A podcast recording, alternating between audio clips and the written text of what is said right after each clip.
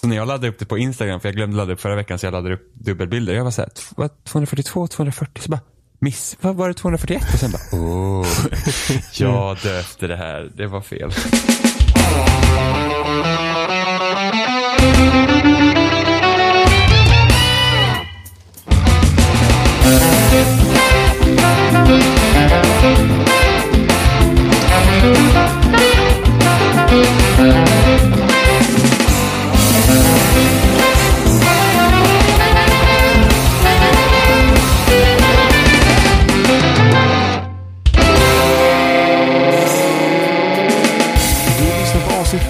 143 med spelsnack och idag är jag Johan och Jimmy.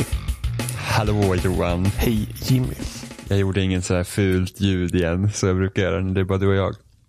Mm, tur det. Är det nu jag nämner att vi är den spirituella uppföljaren till spelradion när det är du och jag som kör? Nej. Eller ja. Vilket, eller ja, vilket jag redan har gjort. Är egentligen Men vi, vi kör ju inga sexiga deals som ni gjorde på spelradion. är overkligt den spirituella uppföljaren till spelradion. Nej, jag hörde att vi var det och jag tänker hålla hårt i den titeln. För vi är bara två. I overkligt är de fler. Hur många var med i spelradion? Två. Det var, Jaha. nu ska vi se, Johan Hallstan och Christer. Jag kommer inte ihåg hans efternamn. Men jag vet att han gissar på Svensson. Nej, han hette inte Christer. Nej, det var inte Christer Svensson. Christer Johansson. Nej, L. Jag vill, jag vill känna att det, jag vill var tro det? att det är någonting på L. Christer L. Jag kan ha fel. Så jag tänker go- göra en googling. De har en Wikipedia-sida. Det var Christian Johansson var det till och med. Så det var Johansson? Ja. Så vi var nästan rätt båda två. Jag bara började dra så här, de så här vanligaste svenska Eh, efternamnen. Precis, så Chris, Johan Hallstan och Christian Johansson. Christian Johansson vet jag har gjort musik och typ ljuddesign till Stick It To The Man tror jag. Och han gör även musiken, tror jag, till Victor Leijonhuvuds spel. Det här typ, åh, som de visade upp så här förra året någon gång. Var det ens förra året? Jo, det var förra året. Det är inte i år de visade upp det, eller? Eller var det för, förra året? Nu ska jag göra en till googling. Jag tänkte inte att vi skulle komma in på den här eh, samtidigt. ska vi se. Där, där, där, där. Victor Leijonhuvud. Victor Leijonhuvud som också är med i Overkligt. Rain of Reflections heter det. Det spelet. Oj! Deras hemsida, briefly unavailable for schedule maintenance. Check back in a minute. Det verkar ju oroväckande för det. Nej, nu kommer jag in. Oj! Bugg. Okej, spelet är fortfarande under utveckling. 7 juni 2017 kom första trailern. Ja, det var förra året då. Ja, precis. Fast samtidigt så... ehm, här ser jag. Indie Studio Lionbite announces RPG Rain of Reflection. Det här är 20 januari 2015.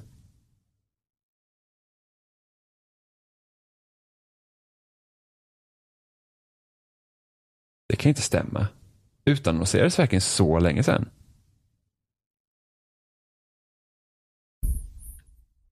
Jag har sett en, en, röst, en svensk röstskådespelare som jag följer i sociala medier som uh, uh har varit där och arbetat och grejer.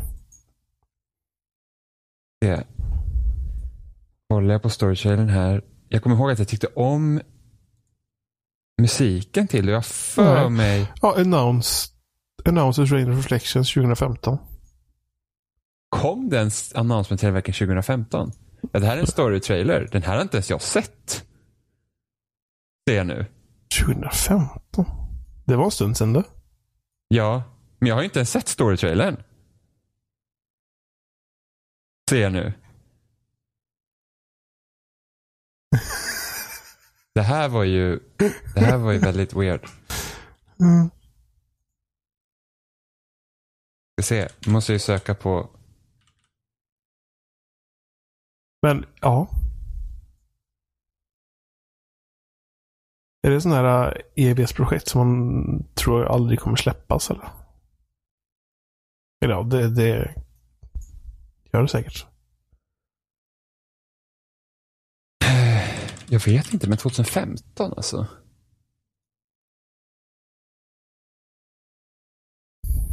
Ja, jag kan inte svära på om han gör musiken till det spelet längre. Det var, det var vad jag tänkte. Du bara sitter och, sitter och killgissar Jimmy. Ja, men det var det jag trodde att han gjort, men nu hittar jag liksom info, information om det så jag tänker låta det vara. men jag kommer ihåg att den, jag kommer ihåg jag gillar musiken i alla fall i, i den trailern som de visade, som tydligen var 2015. så tiden går fort, om man säger så. Faktiskt. Ja. Ja. Men, ja. Jag är helt off nu. Du har... världsbild bara oh, rasa. Vi är, vad var det du sa? Vi är den spirituella uppföljaren till, till, till, till uh, Spelradion. spelradion. Ja. Precis, utan sexiga deals. Vi pratar du bara om spel vi har spelat. Ja, inte jag. Det är inte min idé från första början. Det är någon helt annan som jag nu inte minns namnet på som, som tog den Jag tror du ljuger. jämförelsen. Nej, jag gör inte det. Jag lovar. Jag vill se bildbevis i så fall. Ja, det ska finnas en tweet någonstans tror jag. som jag vet att jag har gillat på vårt Twitterkonto. Ah, Okej, jag låter det vara oklart. Det kan antingen vara vårt Twitterkonto, alltså spelsnack, at spelsnackpodd som har gillat det, eller min personliga Twitter som har gillat det. Så det, jag vågar inte svara exakt mer. Ja, Allegedly är vi den spirituella uppföljaren till spelsnack. Eller till spelradion enligt vissa människor. På Twitter. jag har fortsatt spela Forza. Ja, hur går det? Det är ju vintersäsong just nu i Ja, spelet. jag är rätt trött på vintern. Jaha, Det, tog, är- det, är tog, en, tog en lördag sen jag är trött på vintern. Jaha, men är det den här veckan du typ har spelat mest då när det har varit vinter? Eh, så jag hade spelat 16 timmar, tror jag, innan jag spe, började spela nu igen. Eh, så jag hade spelat 16 timmar eh, tills när vi pratade om det första gången. Mhm. Eh, och nu är jag uppe i, jag ska kolla vad jag är uppe i. Forza 4. Jag är uppe i 23 timmar. Så jag har boostat upp det lite där i alla fall. Eh, och det är fortfarande ett av de bästa bilspelen jag har spelat, men jag irriterar mig fortfarande på när det kommer upp så här de börjar prata om saker. Eh, och man blir typ låst i så här kartvin medan de pratar om någonting. Eh, och jag upplever det som att det är mindre race än vad det var i förra spelet. Och vi började prata om det lite innan vi började spela in och liksom så här bara du frågade mig, finns det inga Championships? Och jag bara, jag har ingen aning. För jag har inte spelat något Championship än så länge. Ja, För jag vet att i, i Horizon 3 så var ju varenda, varenda liksom individuellt race kunde ju bli ett Championship. Ja. Och det har jag inte upplevt. Och jag är klar med alla Dirt, Cross Country och de vanliga liksom eh, banracen liksom eller så. Mm, street race Precis. kallas de tror jag. Nej. De, görs de inte? Nej, Nej, det är de som annat. körs... Vad fan heter... Nej men du har, just det. Heter de det? För du har ju de som primärt körs på asfalt kallas Ja. ju någonting. Ja, Jag undrar om inte de kallas street race för att kanske de gör. är inte de... Vad heter de? Gaturacen är väl typ midnight... Är inte det midnight race? Jag vet att de kallar Ja. midnight championship i, uh, i Forza Horizon 3. Men i alla fall, så de har jag liksom gjort allihopa. Eh, och, och då, man levlar ju upp också i varje de här uh, typen av race. Och Mm. den högsta som spelar roll typ är ju 10. Eh, för då får man en achievement som har nått till nivå 10. Mm. Bara det att när jag var klar med, uh, med dirt-racen så var jag i nivå 8.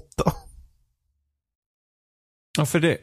Så är det till nivå 8 det är då du får den här typ, det stora racet? Ja, jo så kan det vara. Men Jag när, jag, att- när jag kör de vanliga liksom äh, vägracen och, de, och äh, cross country-racen så var det inget problem. När jag liksom jo, hade gjort liksom det där stora racet och alla race så var jag liksom över 10. Det var liksom, men här liksom så var jag tvungen att bara, jag får väl köra om några som jag redan har gjort liksom för att boosta upp så att jag fick det här. Eh, Så det var lite fascinerande. Så, så, så de är jag ju helt klara med. Och jag har gjort alla de här, eh, de här stora konstiga racen som man kör mot saker. Mm. Som är jättetråkiga. enda, för, en, enda positiva de var att när det var vinter, så att när man körde de racen så har de ju bestämt vilken årstid det ska vara. Så då fick jag Okej. spela som något annat vinter. Som, jag tror det, var, det måste ha varit höst va? Ja, Jag tror det, om det inte är så att det till och med är en per säsong eller någonting sånt där. För det, är- tanken är väl att man ska köra dem liksom när man låser upp dem. Eh, och när man börjar med spelet då får man ju testa alla säsongerna först. Mm. Men jag tycker de är så tråkiga så jag har inte tagit dem så jag tog alla på raken nu istället. Ja, ja, ja. ja.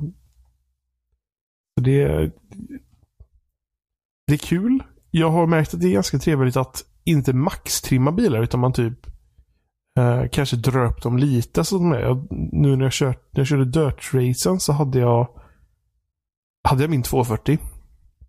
Men istället för att ha den liksom maxad så bara jag tog den till maxade den på A tror jag.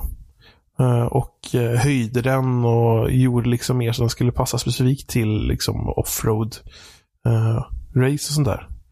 Eh, och det var ganska trevligt att göra det också. Inte liksom så här hålla sig på de högre klasserna. För jag, när jag de flesta liksom vanliga vägracen körde så hade jag min eh, eh, Nissan Skyline från 70-talet någon gång. Eh, som är Mm. typ så mega... Det är liksom den bilen jag har kört fortast med i spelet än så länge. 383 km timmen eller någonting sånt där. Fan. Det är fan snabbt alltså. Då, då är det fan svårt att hänga med.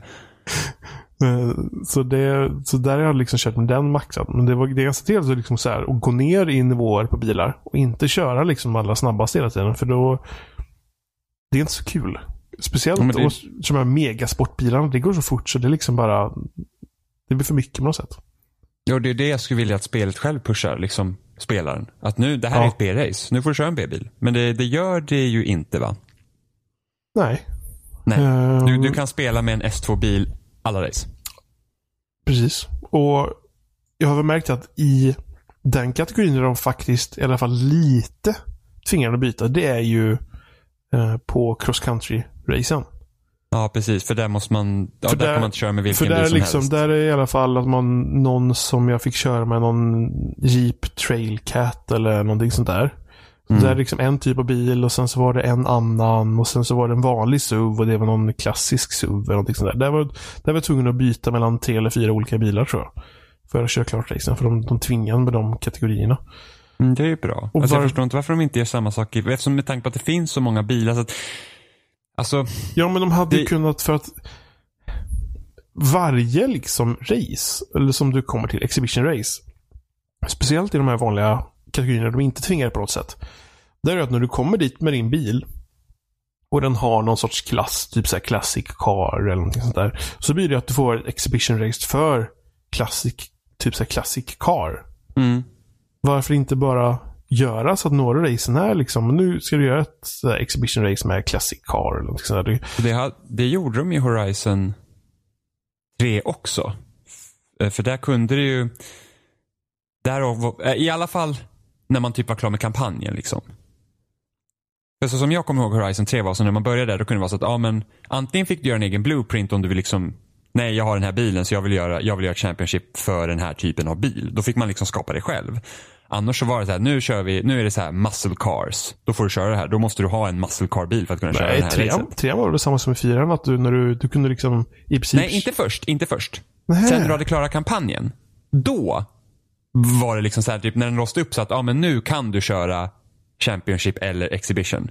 När kampanjen liksom var, när du har gjort det sista racet. För då, då var det så att när du körde dit med en bil, då var det så att, ja men den bilen du kör dit med, det, det, det liksom, då är det anpassat med. Men jag kommer ihåg innan så fick, då fick jag byta liksom. Det här, nu är det så här ett muscle car. För du kunde ju välja mellan olika, där, när du åker till en Exhibition eller eh, Championship. Då var det så att ah, du kunde antingen välja att göra en blueprint själv. Du kunde välja med att antingen köra en kompis blueprint som den hade gjort. Eller så var det det här blueprintet som, som liksom var färdigskapat för det här eventet. Då. Men när kampanjen var klar, sen då, då, då var det så att ah, men när du kör dit med en bil då är det, då är det den bilen du kör med som, som spelet anpassar sig efter. Men det, här, det här är en så här problematisk sak för att jag förstår verkligen båda vinklarna. För att för jag kan gilla att kunna få köra min bil hur länge som helst. Jag har liksom hittat min perfekta bil. Den här vill jag, liksom, Mm. jag vill köra spelet med den här bilen så mycket som det bara går. Mm. Och då tycker man ju om att spelet liksom låter, ja men kör det här racet så gör vi att vi anpassar det för den här bilen. eh, Både i svårighetsgrad och så vidare. Och så vidare. Mm. Men det blir också att det blir ju inte ett ett spel på det sättet som du tänker. Ett spel som på något sätt försöker ge en resa för spelaren. Och där man tvingar spelarna att testa på nya saker för att spelarna ska ha kul. Att, att testa den här saken eller göra det här. Då kanske du lär dig detta och så gör du så här. För så var ju ettan. Ettan var ju verkligen så att man börjar liksom på bot botten och sen så arbetar man sig uppåt. Det är liksom, Forza Horizon 1 är ett mer traditionellt bilspel i det avseendet. Sen tror jag i Forza Horizon 2, då fick man ju typ välja vilken typ av roadtrip man ville ta och därigenom fick man då välja vilken typ av bil man körde. Och sen, och sen men i DLC till Horizon 3 så var det ju så. Då började det ju med sämre bilar för då låste du upp race för en viss typ av klass. Så att du liksom, du behövde klara och få stjärnor på typ A-racen för att kunna låsa upp S1-racen. Just. Och sen för att kunna låsa upp S2-racen så fick man liksom köra S1-racen och liksom få mer stjärnor. Så att där hade de ju den progressionen. Jag förstår liksom inte varför de inte kör med det i huvudspelet. Och speciellt med tanke på att varje då typ av race, är dirt race, eh, cross country och street, har ju nivåer liksom. Så varför inte liksom köra typ, ja men du får köra B-bilar när du är typ nivå 4 på den här typen av race och sen så arbetar man sig upp och sen typ när du kommer till kanske nivå 9-10 då är det S2-bilar som gäller. Jag gillar den liksom den stjärnsaken som var uh, i typ Blizzard Mountain och så vidare på racen där. Inte jag. Varför inte? Det tycker jag inte. Nej, för att alltså, jag kan tycka att det är okej okay till en viss del. Det, ge, det, liksom ger ju lite objektivt. Liksom, jo, fast jag, bara... tycker, jag tycker inte om det här när man typ, ja ah, men du måste drifta tio gånger i det här racet. Bara, okay, varför? Det, alltså, det liksom, okej. Okay. Jag, jag, jag, tror du har rätt, jag tycker nog inte om det heller. Jag tänkte bara typ tanken nu att det kanske var praktiskt. Ja, Okej okay att det finns där, men jag tycker inte om så här, du måste göra det här och vinna. För att du har så här, klara racet en stjärna, klara racet och vinn, då får du två stjärnor. Men sen är det klara racet och vinn och drifta 20 gånger, då får du tre stjärnor. Varför inte ha en stjärna dedikerad till att ja, du måste göra de här grejerna i racet men du behöver bara klara racet så är det klart. Eller någonting sånt. För att det är liksom det, det, känns inte naturligt att jag ska liksom köra på ett visst sätt. Liksom att jag måste, så här, åh, jag måste typ ha... Just det, nu kommer jag ihåg det. Det var något race i Blizzard Mountain man var tvungen att uh, köra på snögubbar. Ja. Och jag kör och sen... om den hur många gånger som helst för jag, jag missar alltid någon snögubbe. Ja, och sen typ det här att man måste göra den här slingshots eh, passeringar. Och det gör ju att då spelar du inte efter bästa förmåga heller. För att du kan ju liksom, säg att du har gjort typ två slingshots omkörningar och så leder du. Då måste du bromsa in och vänta på att bilar ska köra förbi dig. Och sen ska göra, det, det är samma problem som det var, blev i Assassin's Creed vid typ Revelations. För då la de också till sådana här objekt. Ah, I Animusen så ska du spela så kor historiskt korrekt som möjligt vad Ezio faktiskt gjorde. Och då var det så här, ah, på den här banan så ska du du ska eh, lönnmörda folk ur såna här höstackar tio gånger. Men det var ju bara det att spelar du liksom uppdraget naturligt sett hur det ska spela, liksom hur, hur, hur layouten är lagd då fanns det liksom inte tillräckligt med liksom, tillfällen att faktiskt göra de här lönnmorden.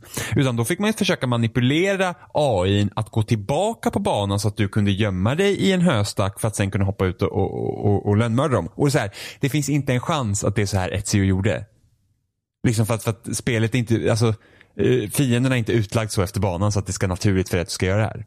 Liksom de möjligheterna finns inte om inte du måste liksom manipulera spelet.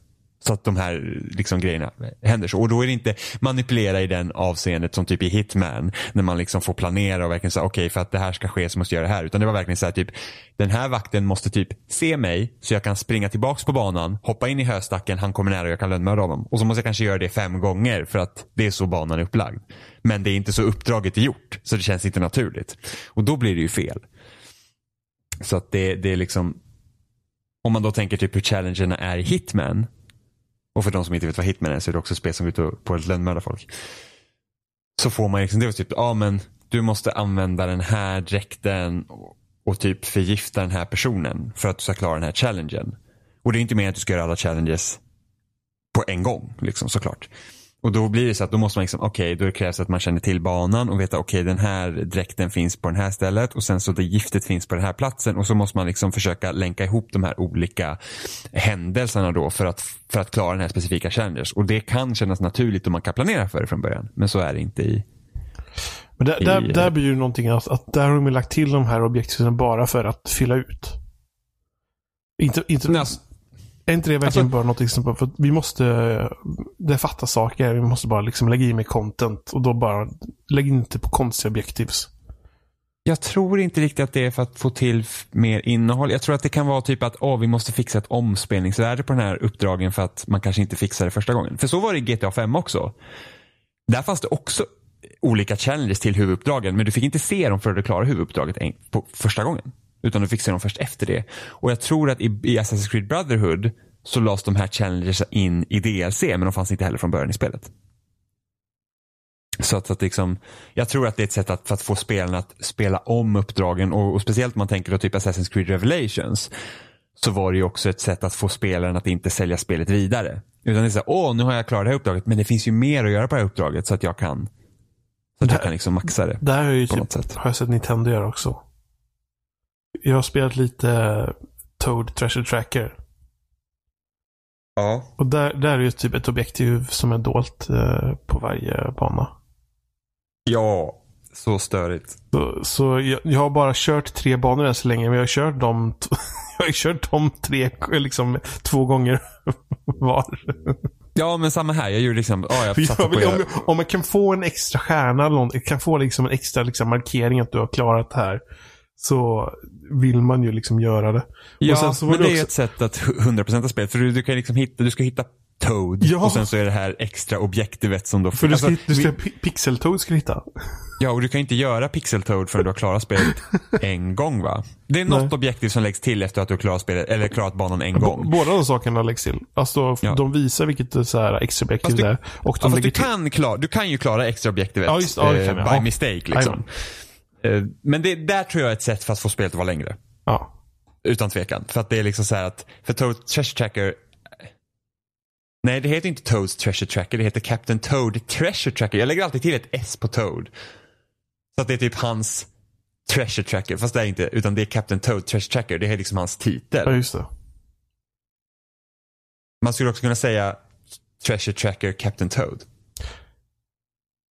Men där har de ju också lagt till sådana saker. Eh, Ja. Så det är ju något... Det ett, ett vanligt trick sådär? För att fylla på. Ja. Hur mycket mer har du spelat av Assassin's Creed förresten? Med tal på det. Jag, förra veckan hade väl spelat typ 6-8 timmar av Assassin's Creed tror jag. Jag vet inte, någon får väl skriva in och rätta mig då hur mycket jag hade spelat för jag tror jag sa det. Men jag hade inte spelat så mycket av det. Jag hade typ, hur långt hade jag kommit då? Alltså jag hade inte ens kommit, just det för jag, jag kommer ihåg att jag kände mig lite sådär över spelet va. Liksom typ så att jag, jag vet liksom inte, alltså det känns ju som Assassin's Creed. Jag förstår inte varför folk tycker det här är så himla bra, du vet. Mm. Och nu har jag spelat över 30 timmar av spelet och när jag vaknade typ upp i, kan det ha varit måndags eller tisdags eller något sådär. Och var såhär att, hmm, det första jag kände att jag ville göra var att spela Assassin's Creed. För att jag kom liksom in i det här, här liksom läget att, oh, jag tycker det här är riktigt, riktigt kul. Och jag tycker spelet är roligt. Liksom det, det, de har liksom simplifierat vissa av de systemen som fanns i Assassin's Creed Origins. Eh, som att du, striderna fungerar på ett annat sätt så att du liksom har ability. Sådana, så lite som ett eh, MMO fungerar. Du vet, du har liksom vissa skills som du använder och sen finns det en timer dem och så kan du göra dem igen. Eh, så på så sätt har de styrningsformat. Så att, så att om man tänker Origins kändes mer Dark Souls än vad Odyssey gör. I hur striderna fungerar. Alltså Odyssey känns lite som en blandning mellan typ hur gamla Assassin's Creed fungerade och hur nya Assassin's Creed fungerade. Så du har inte liksom det här typ Batman-stridssystemet eller som du ser i Shadow of Mordor där du liksom sugs fast till fienderna på det sättet. Men det känns lite åt det hållet fortfarande. Samtidigt som du har lite med de här liksom att du arbetar med hitboxes och sånt som Dark Souls gör till exempel. Hur du, hur du har fiender. Men det känns som en blandning nästan av de två. Som är liksom annorlunda. Eh, jag vet inte, och någonstans där så liksom jag tror det är själva inramningen hon har i hos Odyssey som gör att det känns mer tilltalande. Att, att du har de här uppdragen som inte är eh, det är inte bara en NPC som babblar till dig liksom så här på sidan av medan du följer efter honom som ofta var i Origins utan, utan det är mer typ Mass Effect-liknande när du liksom pratar med, med, med NPCn och så. Sen är ju inte alla quest roliga. Det, det är ju bara så att jag gick från att typ att åh, här är ett quest till att jag orkar inte göra till sidoquest. För att det är så att jag vet inte om det kommer vara speciellt kul. Och sen igår när jag spelade så, hade, så blev det en lång questkedja som liksom som spann vidare i flera olika quest och där liksom man faktiskt fick följa en story. Och då är det kul. Men det är bara att man, du har ju ingen aning om vilka av questen som kommer faktiskt kännas lönt att göra och vilka som bara känns som är som strösselquest liksom. Så det är väl typ den grejen. Så jag är lite så on the fence. Ja, jag tycker att det är bra, spelet. Jag, jag tycker att det är liksom det, det, är kul att spela och, och, liksom vill, och, och, och, och huvudstoryn, liksom, du får storybit hela tiden så jag hela tiden känner att jag vill liksom se vad det här kommer till. Men jag vet inte om, men det är inte liksom Witcher 3 nivå där man känner liksom att de flesta sidequesten är liksom som får mig att lära mig mer om, om världen. Eller får, får liksom, jag får lära mig mer om Geralt till exempel, hur man agerar med de här questen. Och sen, sen är ju sättet det är skrivet på kan vara lite konstigt, liksom, vilken, vilken ordning liksom man frågar, ställer de här. För ofta så här, när man liksom pratar så här, ah, men vart kan jag hitta den här grejen? Så är det bara ett sätt för dig att så för NPCn att säga att ah, men titta på det här stället på kartan för att du ska kunna gå dit. För att de har ju det här exploration mode i spelet. Mm. Eh, som gör att allt är inte utsatt på kartan. Det finns fortfarande, du, du kan välja att köra så här, ah, klassiskt Assassin's Creed så alla objekt finns ute på kartan. Eller så har man exploration mode så att man liksom går in i quest eller går in liksom i saker. Eh, så att när du får ett quest då, då, då, liksom, då kan man fråga då den här questgivaren, liksom, var ska jag titta någonstans? Och då säger jag att ah, men typ, jag såg de här här eller liksom de här tjuvarna som tog min ring, de finns på det här stället. Eh, och då istället för att jag får direkt en eh, objektmarkering att här är de. Då får jag liksom titta på kartan, okej okay, det här är namnet som den här NPCn sa till mig.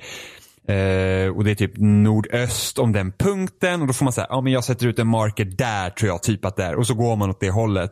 Och när man närmar sig eh, det objektivet, då kommer spelet att bara, ah, men nu får du ta ut din örn och så kan örnen hitta den här platsen åt dig. Och då får man markerat ut. Men liksom det, du får ändå vara aktiv med det här Det är inte spelet säger så här, här är det. Det gör inte spelet om man har exploration mode. Vilket det gör att man liksom känner sig mer investerad liksom i, i, i questen. Att man liksom själv får aktivt leta upp dem. Eller, och aktivt leta upp objekten. Även om jag tycker att det fortfarande är lite skumt att man måste ta fram örn och säga här är det. Så att det blir så att det är halvt om halvt. Man får liksom leta upp området där det finns i och sen så säger Örnod att exakt här är det. Så det är lite weird.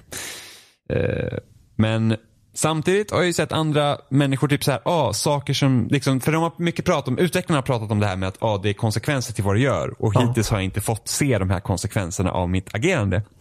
Och då har jag liksom sett så här, Jason Schreier har liksom eller det typ om du är riktigt jävla rövat och typ så här döda folk? Typ. Nej, alltså jag vet inte. För det finns en så skum grej i det här spelet. För du, det är ju det är liksom ett krig mellan Atenerna och Sparta. Och du kan ju liksom... Varje region i spelet är ju kontrollerad av någon av de här två faktionerna. Mm. Jag kan ju liksom ta ställning till vilken jag vill liksom att ska, ska leda den här delen av ön. Men liksom, jag vet inte om det är några konsekvenser för jag kan göra uppdrag åt spartanerna samtidigt som jag tar ner deras liksom reputation på, inom området och få atenerna att ta över det. Det är det som är så himla konstigt. Så att jag känner liksom att som Cassandra behöver man inte liksom ta någon ställning. För att hon är liksom en mercenary så det ska typ vara, ah, mercenaries liksom ska bara arbeta typ för pengar. Liksom, ja. Så att det spelar liksom ingen riktig roll. Du ska aldrig ta ställning. Men spelet och storyn, hur det utvecklar sig, liksom gör så att under vissa perioder så känns det som att här ska, här ska det finnas något ställningstagande samtidigt som jag dödar dem som jag borde stå på samma sida.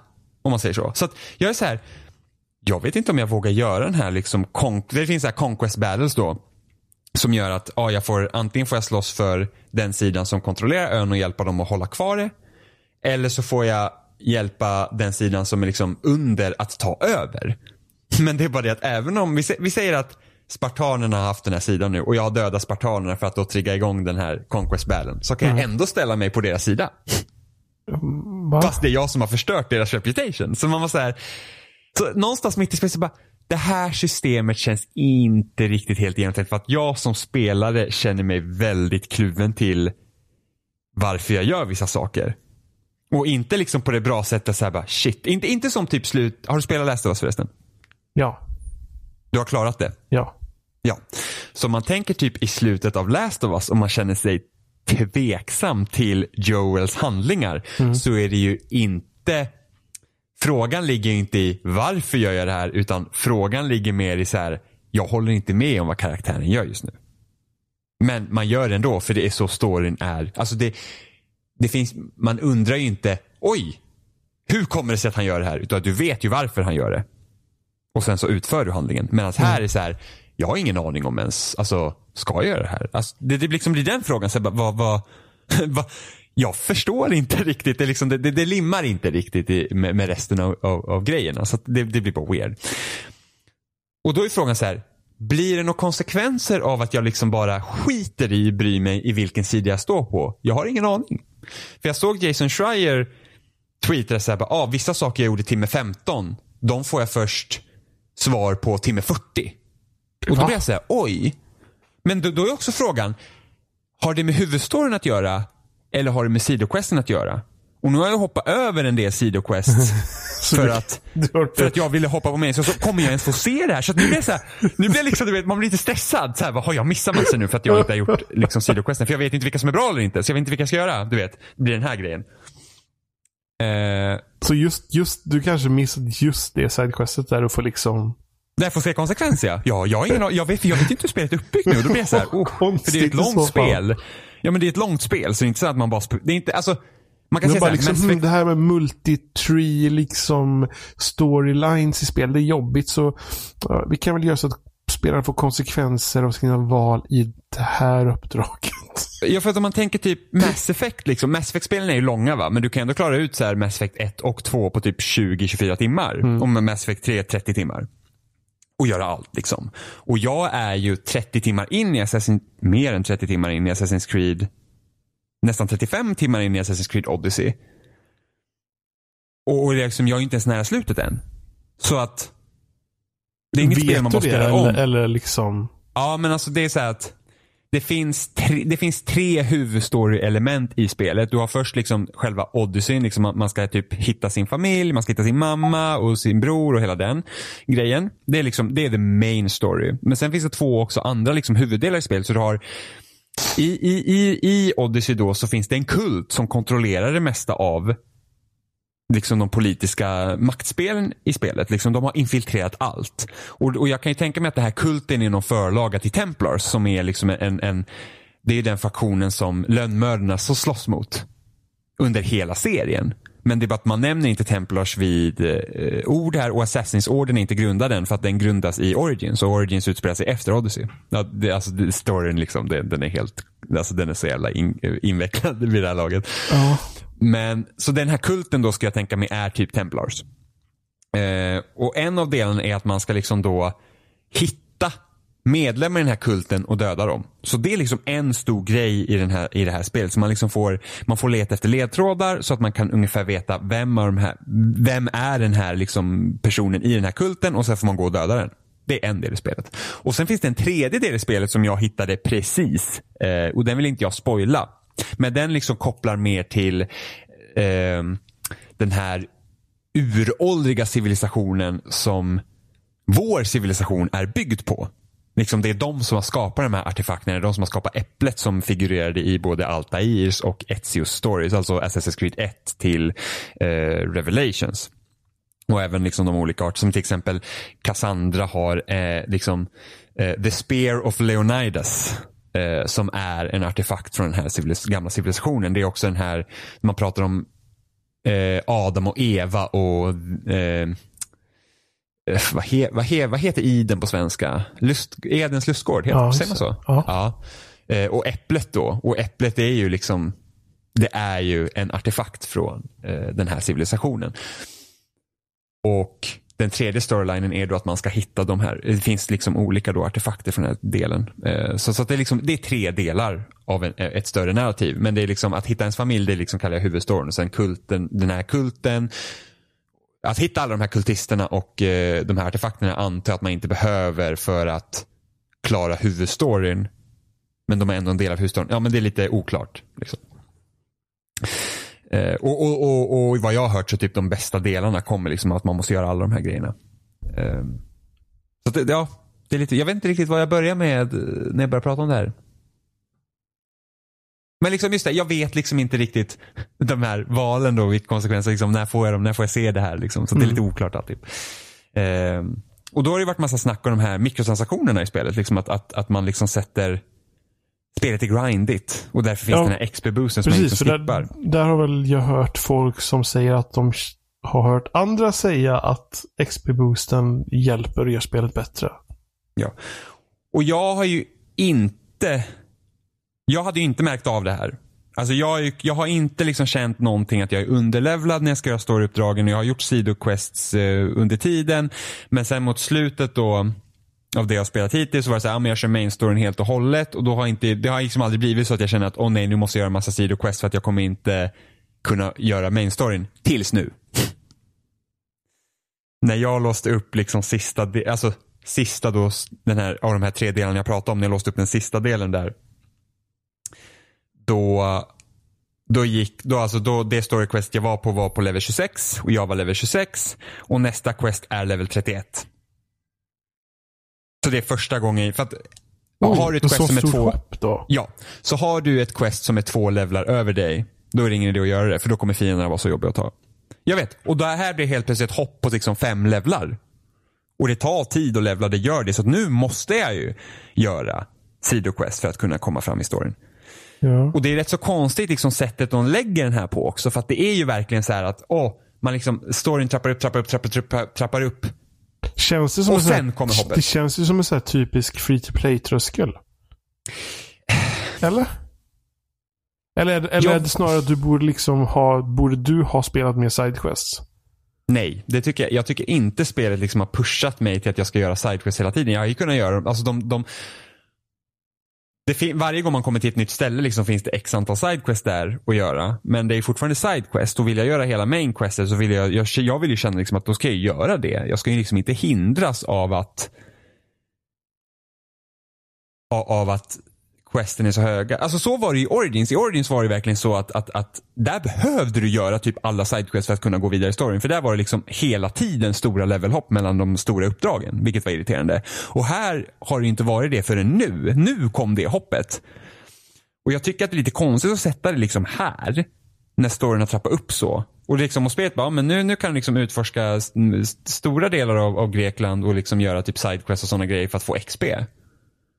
Men det är liksom lite synd. Jag vill ju kunna...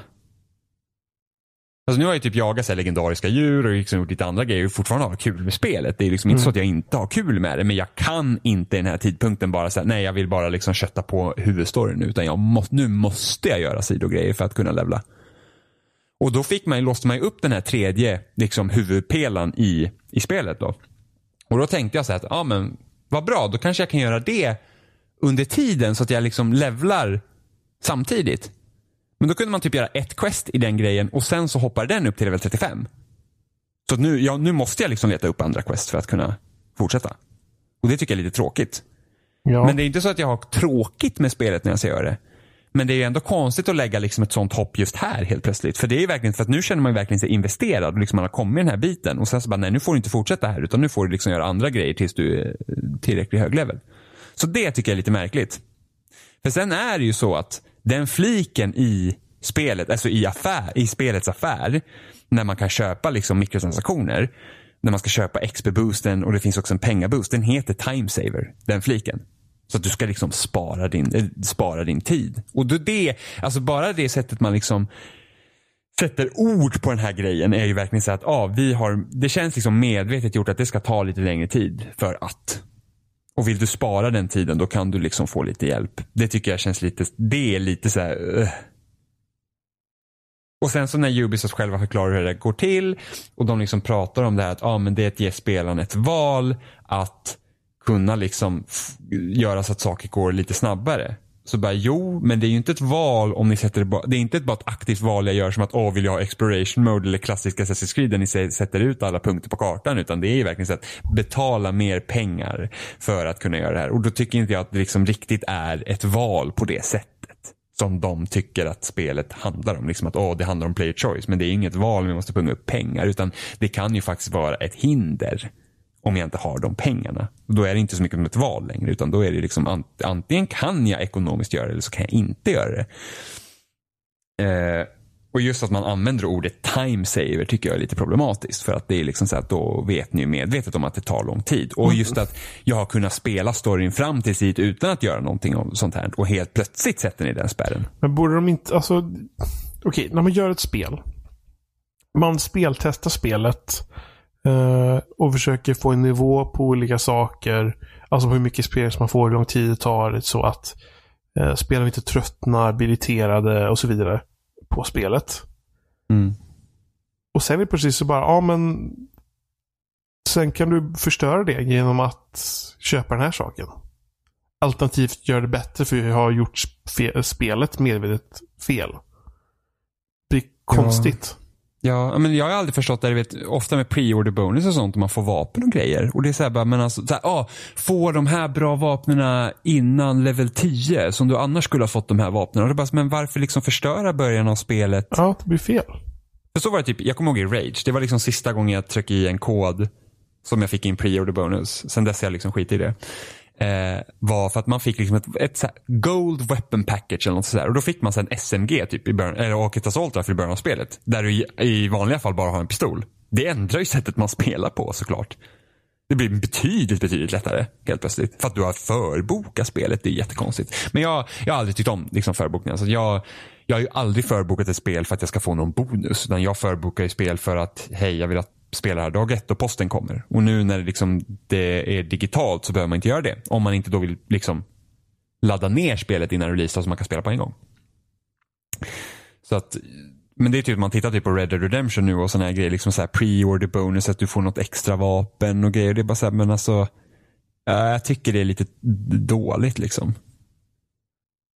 Att liksom bara man låser, man låser i princip innehåll från spelet till en viss typ av kund. Ja. Det är så här att, ah, är du sån som förbokar, då får du en bonus. Men nu liksom, digitala spel finns det egentligen ingen anledning att förboka om du inte vill ladda ner innan. Och det är så varför ska du då få mer grejer än någon annan? Bara för att de ska få in pengar lite snabbare. Men liksom till exempel handlar du på faktura som jag ofta brukar göra när det handlar om fysiska grejer bara för att jag vill se varan innan jag betalar för den. Så då får de ju inte de pengarna. De får de ju först sen. Så att det, det är liksom det är, ja, jag vet inte, det är jättemärkligt. Och det, hela den här Assassin's Creed-grejen är också märkligt. Speciellt när man betalar så mycket pengar för den. Och som när vi pratade om sist när det var du och jag som, som körde. Mm. Det här med att, liksom att oh, man har smyghöjt priserna helt plötsligt. Och, och sen det här med att man liksom pratar om att oh, men spel är så dyra att göra då så priserna måste gå upp. Men ja, priserna har ju redan gått upp för att du har ju typ hundra jävla olika utgåvor av spelet varav den dyraste kostar typ 1500 spänn. Jag tänkte precis säga det. Vad kostar den dyraste versionen av Assassin's Creed? Ja, det är ju med någon. Du får ju någon med typ två statyer. Jag tror den kostar typ 2500 spänn. Då får du en staty på Alexios och Cassandra. Och det är såhär bara, men titta bara på Red Dead Redemption jo, men 2. Sen, så... sen kan du köpa ibland, alltså ibland kan man ju köpa digital utgåvor som kostar så mycket. Som kostar liksom över tusen kronor. Ja, men då får du så season pass och DLC och grejer. För det är som nu, tittar du på Red Dead Redemption 2, köper du, standard, liksom, köper du standardutgåvan, då finns det vissa uppdrag som du inte har tillgång till. För de är med i Special Edition. Ja, men sen är ju frågan hur mycket de faktiskt tillför. Ja, så är, så är det. Jag, alltså jag köper ju bara standardutgåvan för att, för att av min egen erfarenhet så är de här liksom extra uppdragen är ofta skitdåliga. Men tänk om de inte är det. Det är liksom så här för att du inte köper den värsta, alltså där ser man ju, du får inte hela spelet med standardutgåvan. Det är ju inte hela spelet för det finns liksom innehåll som, som är helt låst för dig för att du inte har köpt det. Så att då är, ju, då är det ju inte hela spelet du köper och då är ju spelpriserna redan höga. Det har vi pratat om flera gånger. Mm. Så att det här liksom med att åh, spelpriserna inte ökat någonting, det är, det är bullshit för det har de ju. Det är bara att du får ju inte hela spelet idag om du köper den, lägst, den, den utgåvan som kostar minst. Och sen tittar man typ på Assassin's Creed. Även om du köper den värsta utgåvan så får du inte allt material som finns. Mm. För att GameStop har en viss bonus eller typ eh, Walmart ja. har en viss bonus eller uh, Best Buy har en viss grej. Och det här är ju så stort problem för typ Gears of War. Som har gjort det här sen trean. Det är det att, alltså, så himla lustigt för att det är olika sorters skin är bundna till olika sorters butiker och du kan, det finns, alltså du måste köpa spelet flera gånger för att få allt. Och då betalar du ju mer än vad materialet faktiskt är värt för att du köper samma material flera gånger om du ska alla grejer. Vilket oh. är galet egentligen. Ja, jag kan väl kanske förstå med typ så lite så fysiska prylar och sånt. Att vissa butiker slänger med någon liten gubbe eller någonting sånt där. Men det digitala som är så... Alltså det är bara, det är bara aktivera. Alltså det, det finns ju redan där i någon form. Mm. Ja, Varför ja, ja. kan det liksom inte vara samma för alla? Eller liksom överallt? Eller att man kan i alla fall köpa just det efteråt. Eller någonting sånt där. Det, Nej, Många gånger så, jag vet att i vissa spel så har ju uh, utgivarna och sånt, de har ju släppt det låsta materialet sen som man kan köpa som DLC. ja. Har man faktiskt gjort. Men jag vet inte om det gäller för alla. Men liksom det jag tror det är typ så här bankrån som, som är låst till så specialutgåvan av Red Dead Redemption 2. Det är så här, men alltså, tänk om, tänk om det skulle typ vara ett av de bättre uppdragen i spelet. Då, är det liksom, då är det ju, en- känns det ju ändå jävligt surt att det ska liksom vara låst till en utgåva som helt plötsligt kostar mer pengar. Som du sen kanske inte ska köpa om du skulle vilja ha det. Liksom. Men man styckar ju liksom upp spelet. Så det blir lite den här typ roliga den här bilden på Mona Lisa. Liksom när man säger så här, ah, så här såg det ut förut, man hade liksom Mona Lisa och sen så vill man köpa en till tavla, då var det liksom expansionen till det spelet. Medan typ nu är det så här, det här har du hela Mona Lisa och sen så tar man ut en tredjedel av tavlan och så styckar man upp det i DLC eller mikrotransaktioner. Alltså, till viss del så stämmer ju det. Då om man har, här är ett, upp, här är ett bankrån som finns dag ett. Det här är inte liksom bara ett, en expansion man släpper sen. Här, det här finns dag ett när du köper spelet. Men då, måste, då kan du inte köpa du kan inte köpa den vanliga utgången, du måste köpa special edition. Herrejösses. Så det är lite weird faktiskt. Tycker jag. Ännu mer spel som du har spelat. Ja just det, ja. Du har spelat Black Ops. Ja, är, det, det Black. Ops 4 nu? Nej? Jo. Jag har spelat Call of Duty Black Ops 4. Eh, först, mitt första Black Ops. Eh, jag är ju inte en sån som spelar Call of Duty varje år. Jag har liksom hållit mig typ till Infinite, vad heter de? Infinity Ward. Alltså main... Liksom Call of Duty någonting en spelar Ja, liksom. jo men så här, jag har hållit mig till inf- ofta Infinity Wards eh, Call of Duty. Jag, kör, kör, jag har liksom kört Modern Warfare 1, 2, 3. Jag körde deras Infinite Warfare som utspelar sig i, till viss del i rymden. Sen körde jag Sledgehammer Games spel Advanced Warfare. Men det här är det första Treyarch-spelet jag spelar och liksom man tänker att Modern Warfare var ju det, det, den serien som tog liksom som gjorde Call of Duty till den här liksom stora franchisen. Medans Black Ops är ju den som liksom har tagit över den stafettpinnen sen efteråt. När Inf eh, Infinity Ward liksom när de hade problem med Modern Warfare 3 och Winston Pella och, och de blev sparkade. Och det var ju de som skapade då Respawn Entertainment som gjorde Titanfall. Eh, Men det här är också mitt första Black Ops och det här är första Call of Duty som inte har någon single play-kampanj. Det här är ett rent multiplayer-spel. Faktiskt. Så det, det, du har ingen single play-kampanj. Vilket är så kul att det kallas liksom Black Ops 4 med tanke på att ja, det finns ingen kampanj. Nej. Och det är Black Ops 1, 2, 3. De hör ju ändå ihop på något sätt liksom Ja. narrativt. Har jag för mig. Men de har inte spelat. Eh, men det som är ännu mer förvånande är att jag tycker att det är väldigt, väldigt bra. På ett sätt som jag inte känt att Call of Duty har varit sedan Modern Warfare 2. För att jag spelar Modern Warfare 2 väldigt mycket, alltså väldigt mycket och det fick mig också att, att, att liksom jag, jag blev nästan utbränd på serien i och med det spelet för, jag, för så mycket jag spelar. Liksom att det är det här, och bullshit och grejer.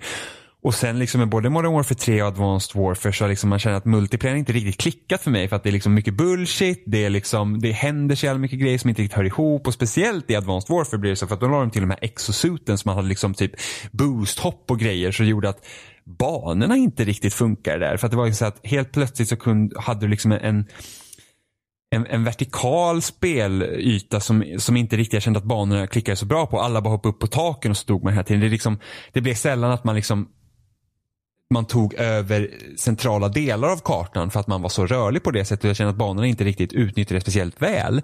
Om man då jämför med typ Titanfall som, som också är uppbyggd på att man liksom kan springa på väggar och ha dubbelhopp och boosta och grejer. Där, de banorna var verkligen byggda för det systemet medan det trendat att Advanced Warfare inte var det.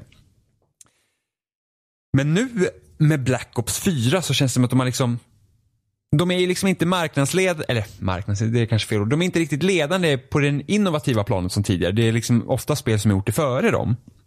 Och så är det även här, att, liksom att det är inte som att de kommer med massa nya grejer nu som gör att åh, Men som man tänker första Modern Warfare till exempel, det här XP-systemet och man låser upp vapen Mm. på det sättet. Liksom, och perks och killstreaks och det, det var ju liksom så här, det var ju nytt. Att man liksom inkorporerar typ rollspelselement i multiplayer, det, det liksom var inte så vanligt att man gjorde det då. Man går upp i level och grejer. Eh, men även Black Ops 4 nu, det är ju inte på det sättet att det är liksom för genren framåt på något sätt. Men det itererar på redan det som finns. Så att till exempel nu i vanliga multiplayer, för att spelet är uppdelat i tre delar. Du har vanlig multiplayer som är liksom team deathmatch, eh, du har eh, kill confirm, du har eh, search and destroy, du har domination, liksom alla de här klassiska lägena som brukar finnas i multiplayer. Sen har du blackout, vilket är deras svar på battle royale-genren. Mm. Och sen har de zombieläget. Det är, liksom, det är de tre huvudpelarna i spelet och det är liksom det känns i mångt och mycket också som tre olika spel. Men, men så har du då, du har vanlig multiplayer och där istället för att du liksom som tidigare då har du spelat någon anonym gubbe och sen så har du gjort liksom din egen klass, liksom vilken vapentyp och vilka perks och något du har. Och det, allt det finns kvar. Men nu så finns det, det är liksom som att de har liksom tittat på både Overwatch och Rainbow Six. Är att var, det finns liksom operators i spelet som har speciella förmågor. Så att du har till exempel en, en person eller en, en, en, en operator som heter Battery som har eh, hon har granatkastare och eh, en, en cluster grenade. Medan du kanske har en annan operator som heter Nomad som har en, liksom, en typ en robothund som patrullerar runt och eh, trip mines. Sen har man en annan som heter Recon som, har, eh, som kan se eh, fiender genom väggar och kan ha en liten sån här typ lite mini-UAV eller ett TACCOM som man kan sätta på väggar så, den liksom kan, så får man se vart fiender är på minimappen om de är inom ett visst område. Och de här grejerna fungerar numera som skills så att de har en timer som laddar upp som du kan typ se i Overwatch. Och sen under matchens gång så, har, så laddar man upp sin super som man kan aktivera. Och det är till exempel Batterys granatkastare är en super. Eh, Medan hennes cluster grenade laddas upp. Så det är inte så att du spanar om och har de här grejerna på, på, på en gång. Så att du har inga granater i spelet längre. Utan det, du, varje operator har liksom sin skill. Så det är en jättestor skillnad vilket gör också att spelet känns mer balanserat helt plötsligt och det gör att man liksom måste tänka på vilken roll man spelar och det har inte jag liksom känt i Call of Duty, det är de som jag har spelat tidigare. Vilket gör att det här känns väldigt fräscht helt plötsligt. Och det känns som en väldigt bra sätt liksom att, att tackla den här typen av multiplayer-spel. Så att de liksom har tagit delar från både Rainbow Six och Overwatch och sen lagt in det i sitt spel. Sen finns ju så här scorestreak kvar. Så att du har ju liksom så här, ja, UAV när du får ett visst antal poäng och sen kan du bygga upp din attackhelikopter och sen kan du, liksom den grejen finns ju kvar. Men det är inte lika mycket bullshit som det var till exempel i Modern Warfare 2. Så att det känns, allt känns som att vara på mycket mindre skala. Sen finns det ju såklart så här lite så här små irriterande grejer fortfarande i de här skillstricksen. Men det händer inte lika mycket hela tiden som det var. Det är inte lika kaosartat utan det är mer koncentrerat. Och just när man liksom tagit bort de här stora hoppen och det där dubbelhopp och flyga upp i luften så känns det mer som att man kan faktiskt arbeta på de här kartorna på ett helt annat sätt. Vilket är skönt. Jag har riktigt kul med det faktiskt. Sen så är det ju deras egna Battle Royale-läge.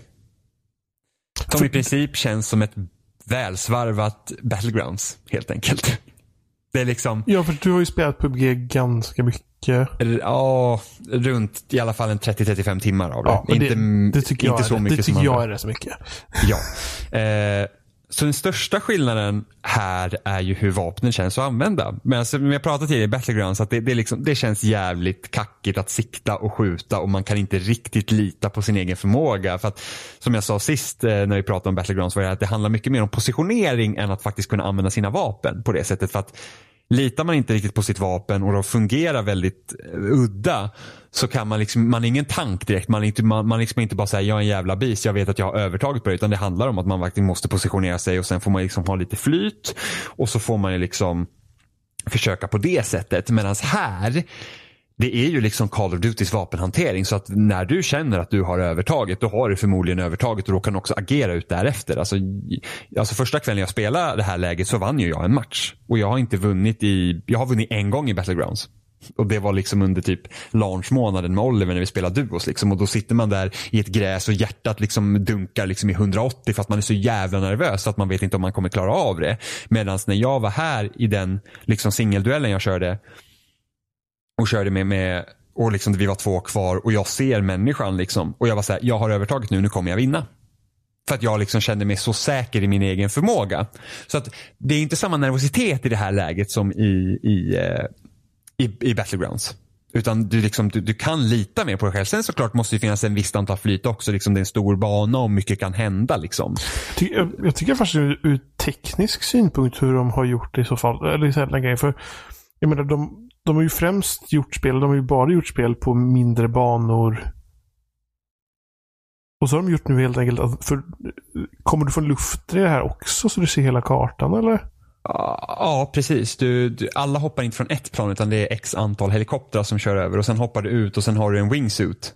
Som du liksom åker till och sen så, sen så drar man sin fallskärm igen och så landar man någonstans. För tekniskt sett tycker jag det låter imponerande också. Ja, alltså förut alltså, gjort liksom eh, spel med liksom små banor eh, eller eh, liksom planerade single play-banor och så vidare. Och så här har de gjort någonting som ändå har en lite större öppen yta. Ja, Ja, banan är inte lika stor som den är i Battlegrounds. Jag, okay. vet inte, jag vet inte hur stor den är i jämförelse med Battlegrounds minsta bana. Jag tror till och med att den kan vara lite mindre för att avstånden ja. är inte så pass stora. Du, du tar dig runt banan ganska men, snabbt ändå. men den är, är betydligt match, större än vad matcherna kortare? Som är fullt i det också kanske? Eller? De känns inte lika långa i alla fall för Nej. att det händer mer. Alltså, ja, du kan ju gå Alltså du kan ju köra Battlegrounds i 20 minuter och inte ha dödat en jävel och dö. Medan liksom det är oftast i, i, i Black Ops 4 så, alltså jag brukar ofta döda 4-5 pers liksom per match. Har du sagt hur många, hur, har du sagt hur många spelare det är på en match? Eh, det är, nu ska jag se, när man kör, när man kör singel så är det 88. Jag tror att det är även 88 i duos, men när vi körde squad på, med fyra pers häromdagen, då var, kom vi faktiskt upp till 100. Och hur många är det i PUG? 100. Alltså det är ändå upp emot det antalet då. Ja, och det är en mindre de, de... karta, så det är ju fler spelare per på ytan liksom. Ja, och sen kan ju vara mycket mer aggressiv. För att jag, nu är inte jag säker på om man får indikator när man blir skjuten. För att när du blir skjuten i Battlegrounds, då, då, då är det ofta så att ser du inte personen, då har du ingen aning om vart du blir skjuten ifrån. Du blir bara beskjuten. Så då måste man liksom agera på ett sånt sätt. Men här har man mycket bättre så här, spatial awareness tycker jag. För att när du blir beskjuten så kan du ofta veta ungefär vart du kommer ifrån. Mm. Men sen så kan du inte gå ut i tredje person här heller. Utan det är första person bara. Vilket, vilket också hjälper för då blir det inte att folk kan pika liksom runt hörn på det sättet utan det är så att när du måste gå ut och se någonting då kan andra se dig. Liksom, på det sättet. Eh, men jag börjar misstänka att Battle Royale kanske inte riktigt är min kopp te egentligen. Liksom man tänker många andra som har typ spelat Battlegrounds eller Fortnite, det är det enda de spelar. Men jag jag kan lite ledsna ganska snabbt faktiskt. För att det är liksom att göra om, luta om allt det här varje gång. Det blir lite tradigt efter ett tag. Ja, jag har väl bara kört Fortnite några runder. Eh, mm. Uh, och jag känner väl samma sak. Hela det här liksom plocka saken. Kanske ja, döda några, sen dö. Och så om ja. igen. Ja, men det är så här, jag vet inte, det är just den här början som är lite seg. Liksom, man måste säga, ah, ta upp samma vapen, hitta samma vapen, göra det här. Liksom, det, är den, det, det liksom blir lite det här monotona eh, grejen. Så att, att, ja. Men, men så, som, som deras försök till det här Battle Royale att göra det liksom är väldigt lyckat. För det känns väldigt bra och det är väldigt roligt. Är det. Eh, men det är en helt annan upplevelse än både Battlegrounds och Fortnite. Vilket är också kul. Så de, liksom, de har ju liksom stöpt sin egen liksom, del i, i, i spelet. Och sen så finns det ju också, de har ju fortfarande perks i, i Blackout. Så att du, inte att du har liksom en klass från början men du kan hitta perks i, under matchen och sen så fungerar de som boosters. Så de har, när du använder en sån så fungerar det som en timer. Den fungerar kanske i en minut säger vi. Och då har den vissa liksom olika fördelar som man kan använda som. Jag har inte kommit till den punkten än jag känner liksom att oh, men nu kan jag använda den här för då ska jag göra det här. För att det blir svårt att planera eftersom den just är på en timer så måste man säga okej okay, men hur ska jag liksom agera och, och sen så hålla reda på vad alla saker gör. Men liksom interface och allting sånt där, man lyckas med det. Det är väldigt smidigt att göra saker. Du, kan liksom, du behöver inte gå in i menyer för att equippa saker. Hittar du ett sikte och vill equippa den på en gång, då finns det en knapp för det så att den liksom sätts på på en gång. Så, så, att, så att det, det, det, har fungerat väldigt, väldigt bra. Eh, så att jag, ja, Frågan är ju bara hur, för problemet med Call of Duty är ju varumärket Call of Duty här. För det blir ju så att, för att många är så här, ah, är det här slutet för Battlegrounds nu när Call of Duty Black Ops 4 kommer? Liksom, ah, kommer det här ta över liksom massa marknadsdelar? Då är det så här att säga, nej det tror jag inte för ett, det här kostar 600 spänn. Två, förmodligen kommer inte det här vara en plattform som kommer utvecklas särskilt mycket mer.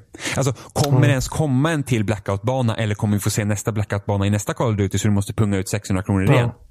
Det är ju det problemet som Call of Duty har. Det måste komma ett nytt spel hela tiden så det finns ingen liksom, plattform att bygga på. Utan man bygger på Call of Duty snarare än att man bygger på Black Ops 4. Eh, och det är det här problem som man ser i både till exempel Battlefield och Call of Duty har. För du ser ju här, Rain, alltså, bara det att Rainbow Six Siege till exempel, det var faktiskt ett spel som planerade att få en uppföljare inom två till tre år. Men med tanke på hur det har urartat sig nu och hur de har utvecklat spelet så är det blivit deras plattform. Overwatch är en plattform som, som utvecklas hela tiden. Det kommer inte komma ett Overwatch 2 på många, många, många, många år om ens det kommer. Fortnite är en plattform. Så liksom man bygger på de här spelen och via battle passes och sånt så man liksom drar in pengar på det sättet medan nästa år kommer komma ett nytt Call of Duty. Förmodligen kommer det vara Infinity Wards spel och möjligtvis kommer det ha sin egen version av Blackout. Och då kommer det förmodligen vara en ny bana. Det var det samma med, med Battlefield och deras Firestorm, eller vad heter det? Jo. Ja, de ska också ha ett Battle Det, där blir också samma sak då. Liksom. Då har du också det spelläget och så, men det kommer kanske släppas någonting mer och sen så är det liksom nästa spel igen. Ja, så det, eh, det, det känns som att det inte har samma utrymme att bli lika... eh, De får, det är inte samma utrymme för att ens få möjligheten att bli slipat så länge Nej. som Fortnite och... eh, där ser jag ändå att Battlefield har ett för, alltså fördel jämfört med Call of Duty är att det kommer inte ett Battlefield varje år. Så de har lite längre att bygga på det. Men Mm. samtidigt så vet jag inte. Så som jag förstår det så ska deras Battle Royale-läge så kan du bara vara i squads. Du kan inte köra det solo. Mm. Och du kan inte köra det till ens duo. Jag tror det är liksom fyra manna squads hela tiden. Och det är liksom, ja det blir ju deras grej på Battle Royale-genren då. Men jag, jag, tror, jag, jag misstänker att det läget inte kommer att liksom ta fart speciellt mycket. Jag tror att det blir precis som alla deras andra lägen som står bredvid Conquest är att de kommer liksom glömmas bort. Det är Conquest. Och nu kommer inte ens ha Rush i Battlefield 5. Vilket jag tycker är otroligt tråkigt. För det är liksom del, det är mitt läge i Battlefield. Visst, Conquest är kul, men Rush, det är liksom, det är det jag spelar Battlefield för. Så att, eh, ja. Och jag tror inte att jag kommer liksom att tycka att deras Battle Royale-läge är så pass kul att det är liksom på att, åh, det här är det jag spelar i Battlefield. För att det är inget annat Battle Royale-läge som har lyckats hålla kvar mig på det sättet. Och sen finns ju zombieläget då. Och det är väl det jag tycker minst om. Jag, jag, alltså hårdlägen överlag tycker jag oftast inte om. Jag tycker att det är rätt så tråkigt. Och, och det typ, hittills- då det blir typ så här waves med motståndare som kommer? eller? Ja, precis. Så det här nu, är det sen, nu har de försökt lägga till någon story i det här. Alltså, det är liksom, de förklarar väldigt dåligt, men det finns typ någon story i själva zombieläget. Eh, så man kan spela på Titanic, man kan spela i en eh, Gladiator Arena som har massa olika instanser i sig. Det finns också en det, är det en skog, ett hus? Jag vet inte, jag har inte kört det, det uppdraget än.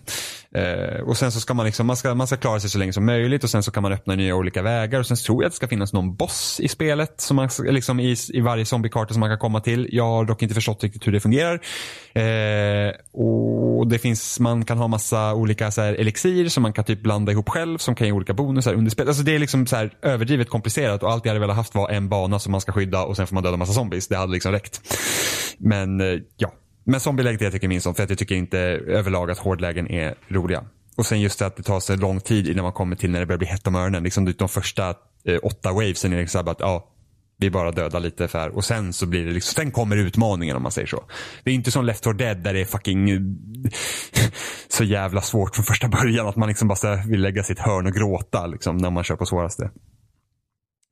Så att eh, zombieläget är väl det jag tycker är svagast. Men de som gillar det får väl tycka att det är kul. Liksom. Men eh, samtidigt så Black Ops, jag hade inte väntat mig att Black Ops 4 skulle vara så kul som det är. Jag tycker att det är superroligt. Även att bara köra vanlig Team Deathmatch. Så att det är skitkul faktiskt. Det var allt jag hade att säga om det. Än så länge. Eh, Blops. kommer skriva, jag, har, jag ska recensera det för loading så att det kommer komma upp en recension i nästa vecka. Vi har fått, eh, som du, du skrev ut innan vi började spela in på Twitter. Mm. Och så fick du ett förslag på något att prata om. Ja, vilken ska vi ta först? Just det, vi fick en i sista minuten också. Ja, vi fick, ja, då hann man, då hann man bra. Ja, vi fick två. Ska vi ta, ska vi ta Ricky Six? Ja, jag tror den är nog kortare. Ja. Så, Ricky Six på Twitter skriver, kommer spelen, alltså open world-spelen, bara bli större och större? Eller kommer det nå en punkt där spelen blir mer fokuserade igen? Assassin's Creed fokuserar på en stad i taget och GTA 4 satsar mer på interiör, jag tror han kanske ska mena GTA 6 här, satsar mer på interiör än landskap. Vad tror du Johan? Det är jättesvårt. Eller va? Eh, större och större. De kan inte bli så stora som att man aldrig hinner klart att spela. Eller hinner att spela klart. De, de kan aldrig bli så stora så att eh, spelbolagen skulle gå minus på att sälja spelen. Fast, fast eh, det är, de, de blir ju större. Alltså jämför typ Horizon, alltså äh, kan du säga att du liksom har gjort allt i Horizon 3? Nej. Nej, inte jag heller. Alltså det spelet är ju gigantiskt. Men det betyder att spelutvecklarna har gjort eh, onödigt mycket. Ja, men, alltså det är liksom, men samtidigt är det ett försäljningsargument att göra större spel hela tiden. För att titta, som Assassin's Creed Origins var stort, Odyssey är större. Och då titta på utvecklingen liksom med Assassin's Creed, det har ju gått från att om man tittar på Assassin's Creed 2 till exempel, då hade du tre städer, mindre städer i det liksom spelet. Och sen har de fokuserat på en stad i taget som Rom i Brotherhood, de hade Konstantinopel i Revelations, sen körde de Paris, det är Paris, ja Paris, Paris, London, och sen körde de Egypten, Grekland. Och så ser man typ Alltså det beror på vilken utvecklare man pratar om också. Men Ubisoft är ju den som har gjort liksom stora, stora kartor som blir bara större och större och större. Och det, jag skulle säga att ju, de spelen också lider av att de har kvantitet istället kvalitet i det material de har. Att de fungerar lite som MMOs. Liksom, det närmsta egentligen Odyssey är, det är typ Destiny. Ja, Det alltså, ska det, liksom finnas någonting att göra hela, hela tiden. men det känns ju som att, att de når till den punkten då. Att de kommer dit och så någon gång när det blir mer kvantitet och kvaliteten sjunker i så fall. Så, för då blir det att de, de kan inte lägga ner tillräckligt mycket tid för att göra kvalitet över kvantitet i den skalan. För då skulle det kosta för mycket pengar. Så, så där har du den där att det börjar bli att de har liksom inte råd att göra större. Men klart så men eh, om vi slänger in så här då. Att i framtiden kanske de inte ens behöver göra kartan själva utan de använder AI för att göra det. Så att istället för att eh, fixa upp en karta så bara säger jag vill ha den så här stor. Den ska ha den här formen. Gör den åt oss. Och så får den liksom autogenererad historia som så här, inte har några buggar i sig. och Det bara funkar. Och sen så kan man då satsa på istället att fylla det med bra innehåll då? Eller? Ja. Eller att kanske till och med innehållet till, till, viss del kan autogenereras på något sätt och sen så kan man finslipa på det som ska ha högre kvalitet. Klart, då kan du göra det ännu större. Mm. Alltså, men då måste du ha den, den teknologin såklart. Men det menar jag att i så fall om teknologin skulle göra det lättare att göra större spel. Så såklart så kan ju spelen bli större och större. Men frågan är varför? Ja, alltså jag tror ju också att det här med spel som tjänst, för att det, det är egentligen där det huvudsakliga problemet ligger i. Att det är när man tänker att de här spelen ska vara oändliga eller du ska ha så himla mycket att göra att det är liksom spel du ska spela hela tiden. Att det måste finnas en, en, en bristningspunkt på hur många sådana här spel som finns. Det finns inte tillräckligt många spelare för att underhålla det här. Och då, då, då kan jag tänka mig att det kanske är skillnad på single play-spel. Men vad händer om man känner helt plötsligt att vi köper inte nya spel längre för att vi har så mycket att spela i de vi redan äger. Eh, jag tror att det här är en affärsmodell som kommer liksom falla av sin egen tyngd. För att det finns inte liksom, tänk så här, ja men nu Assassin's Creed Odyssey är så här, så här stort. Så att folk köper inte nästa Assassin's Creed för att det finns tillräckligt att göra i det Assassin's Creed som redan finns. Eller att man sitter i något annat Ubisoft-spel som är av samma typ och inte köper nästa Ubisoft-spel för att vi har redan ett spel att spela. Alltså jag, jag tror liksom inte att den här affärsmodellen kommer hålla i det långa loppet. För att alla spel kan inte, det är samma sak som multiplayer-spel. Mm. Som det var förra generationen när alla spel skulle ha multiplayer. Det, det, det är liksom, intresset finns inte för alla de här spelen. Nej. Så det är liksom, det, det är en månad som man kan spela med andra människor och sen dör det för att det, det, folk bryr sig liksom inte. Jag tror att det är liksom den nivån. Så att man får ju se när liksom när Division 2 kommer ut och när Destiny 3 kommer ut, alltså kommer folk fortfarande orka liksom spela de spelen? För att vi, kanske sitter fortfarande och spelar Overwatch och Rocket League och Fortnite. För att vi behöver inte ha andra spel. Av den typen. Men jag skulle ju gärna se att man går tillbaks till och gör mindre, bättre världar än större för sakens skull. Nu vet vi inte hur det kommer se ut när Red Dead Redemption 2 kommer ut. Det är liksom, till synes har de liksom, liksom satt in så mycket resurser i det spelet det är nästan löjligt.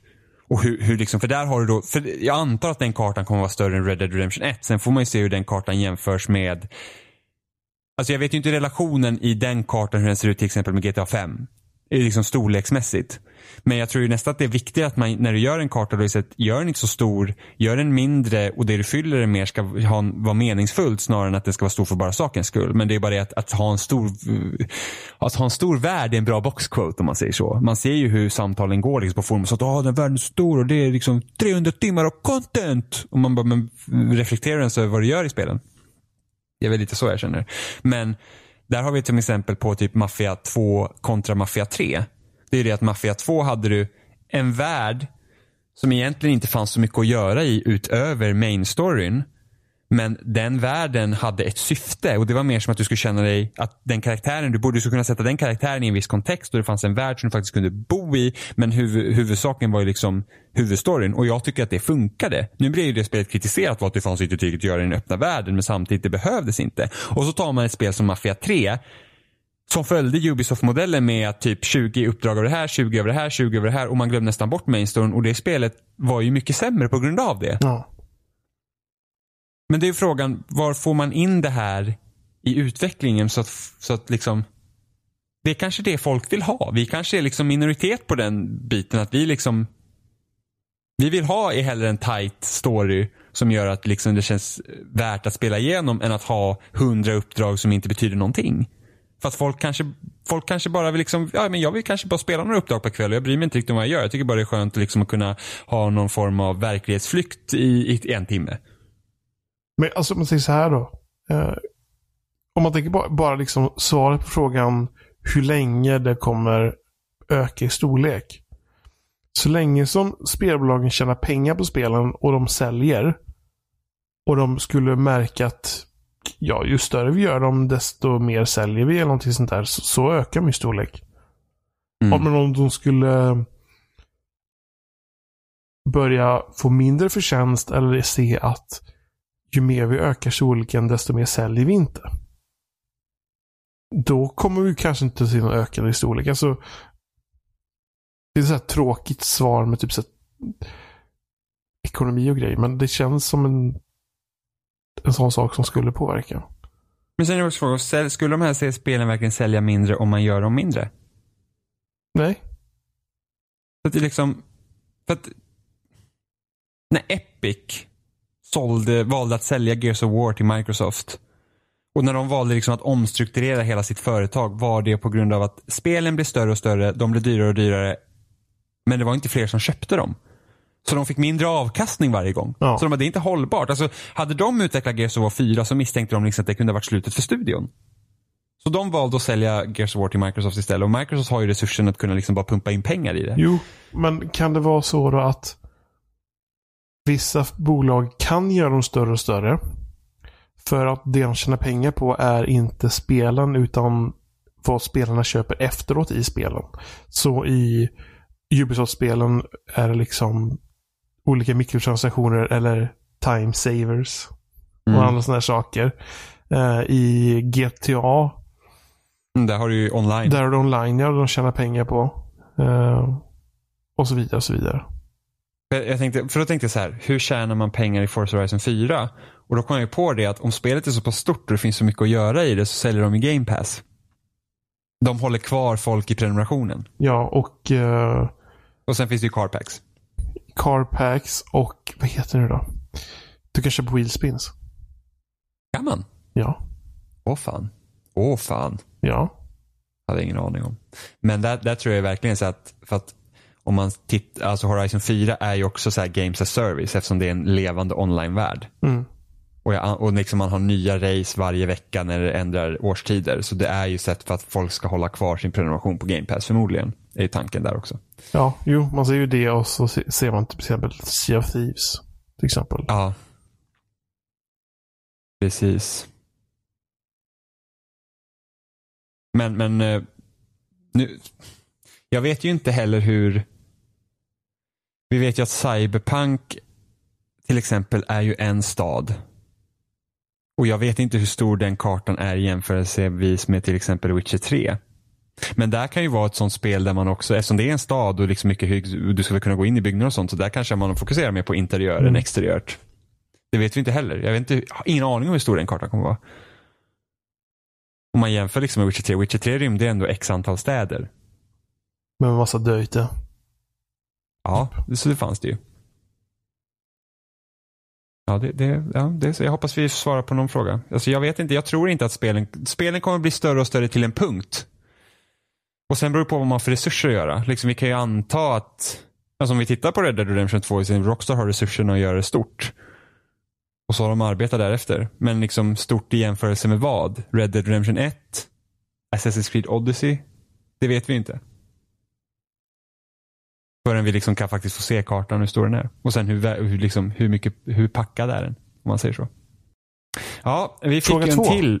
Fråga två. Det var från Aron. Och Det här har ju samband med att det kom ut en artikel idag på New York Magazines eh, typ systersida Vulture om att eh, det har det har varit 100 timmars veckor på Rockstar under 2018 för att kunna slutföra spelet så att säga. Och det har ju fått massor att ifrågasätta olika affärsmodeller i, eh, i spelbranschen. Det här med att det är fan inte rimligt att en människa ska jobba 100 timmar i veckan på ett spel. Det är ju det är helt galet. Det är liksom, det är 14 timmar om dagen, sju dagar i veckan. I så fall. Och det är, så länge orkar man inte jobba. Men tänk liksom. på spelet. Tänk så mycket bättre det blir. Fast det, alltså det finns ju faktiskt forskning som visar att eh, objektivt så kodar du sämre om du jobbar över, mycket över tid.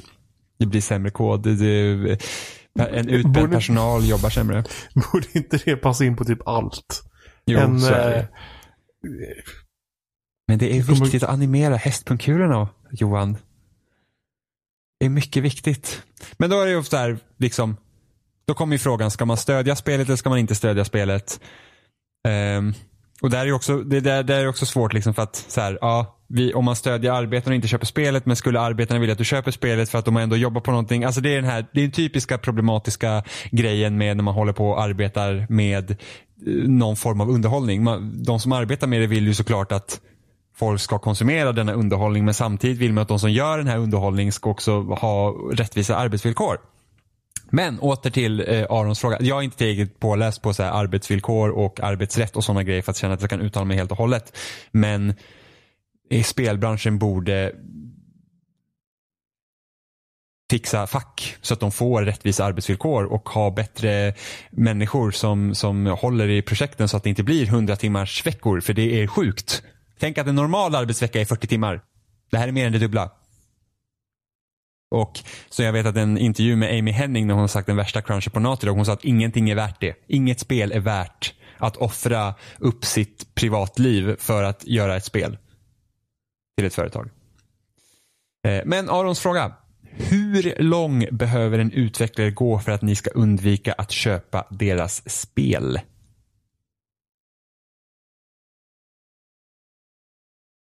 Okej. Okay.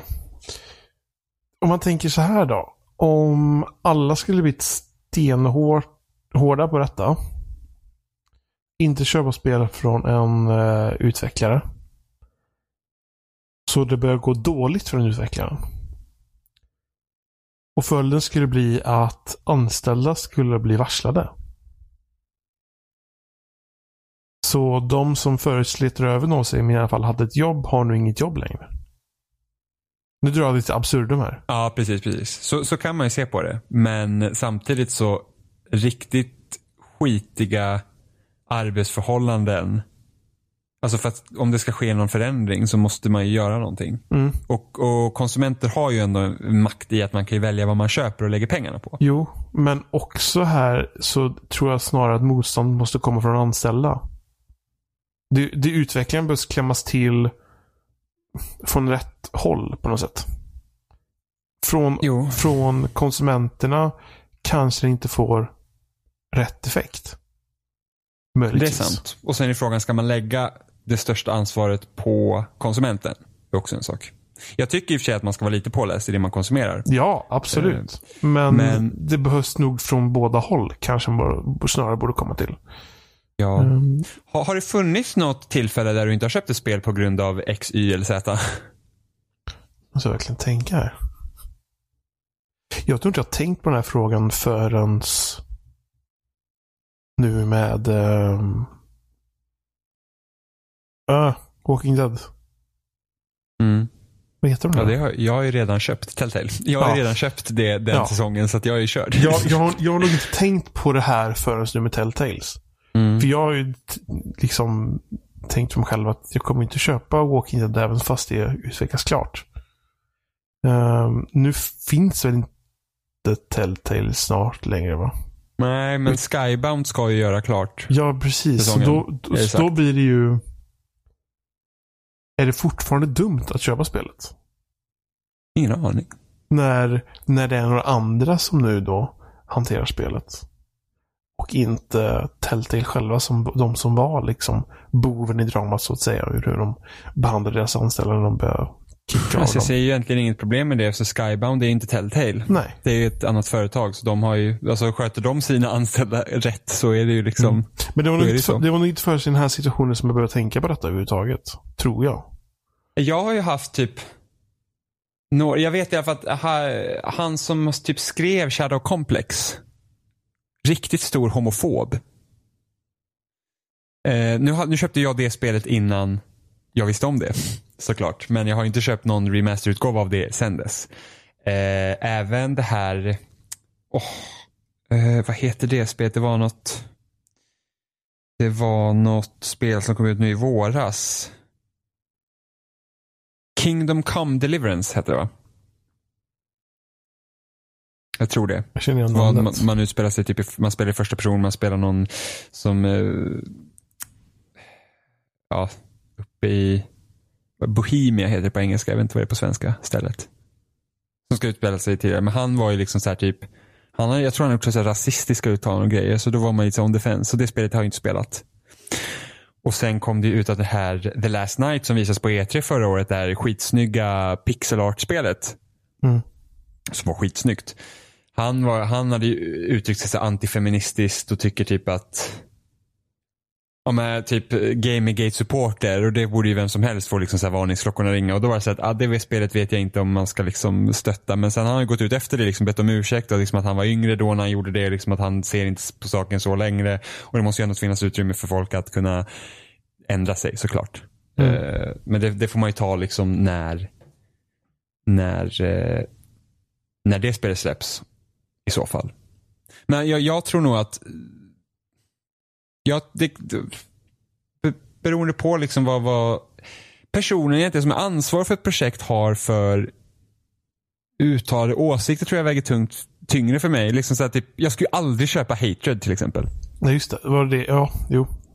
Tänkte, där har man ett sånt det. spel. Det, liksom bara så att, det där är bara, det är bara vidrigt. Och liksom, alltså man är så himla, ah, jag vet inte. Det, det är liksom svårt. Jag drar till med det klassiska svaret. eh, Det beror på. Ja, typiskt svenskt. Landet lagom svaret. Här. Det Nej, men- beror på.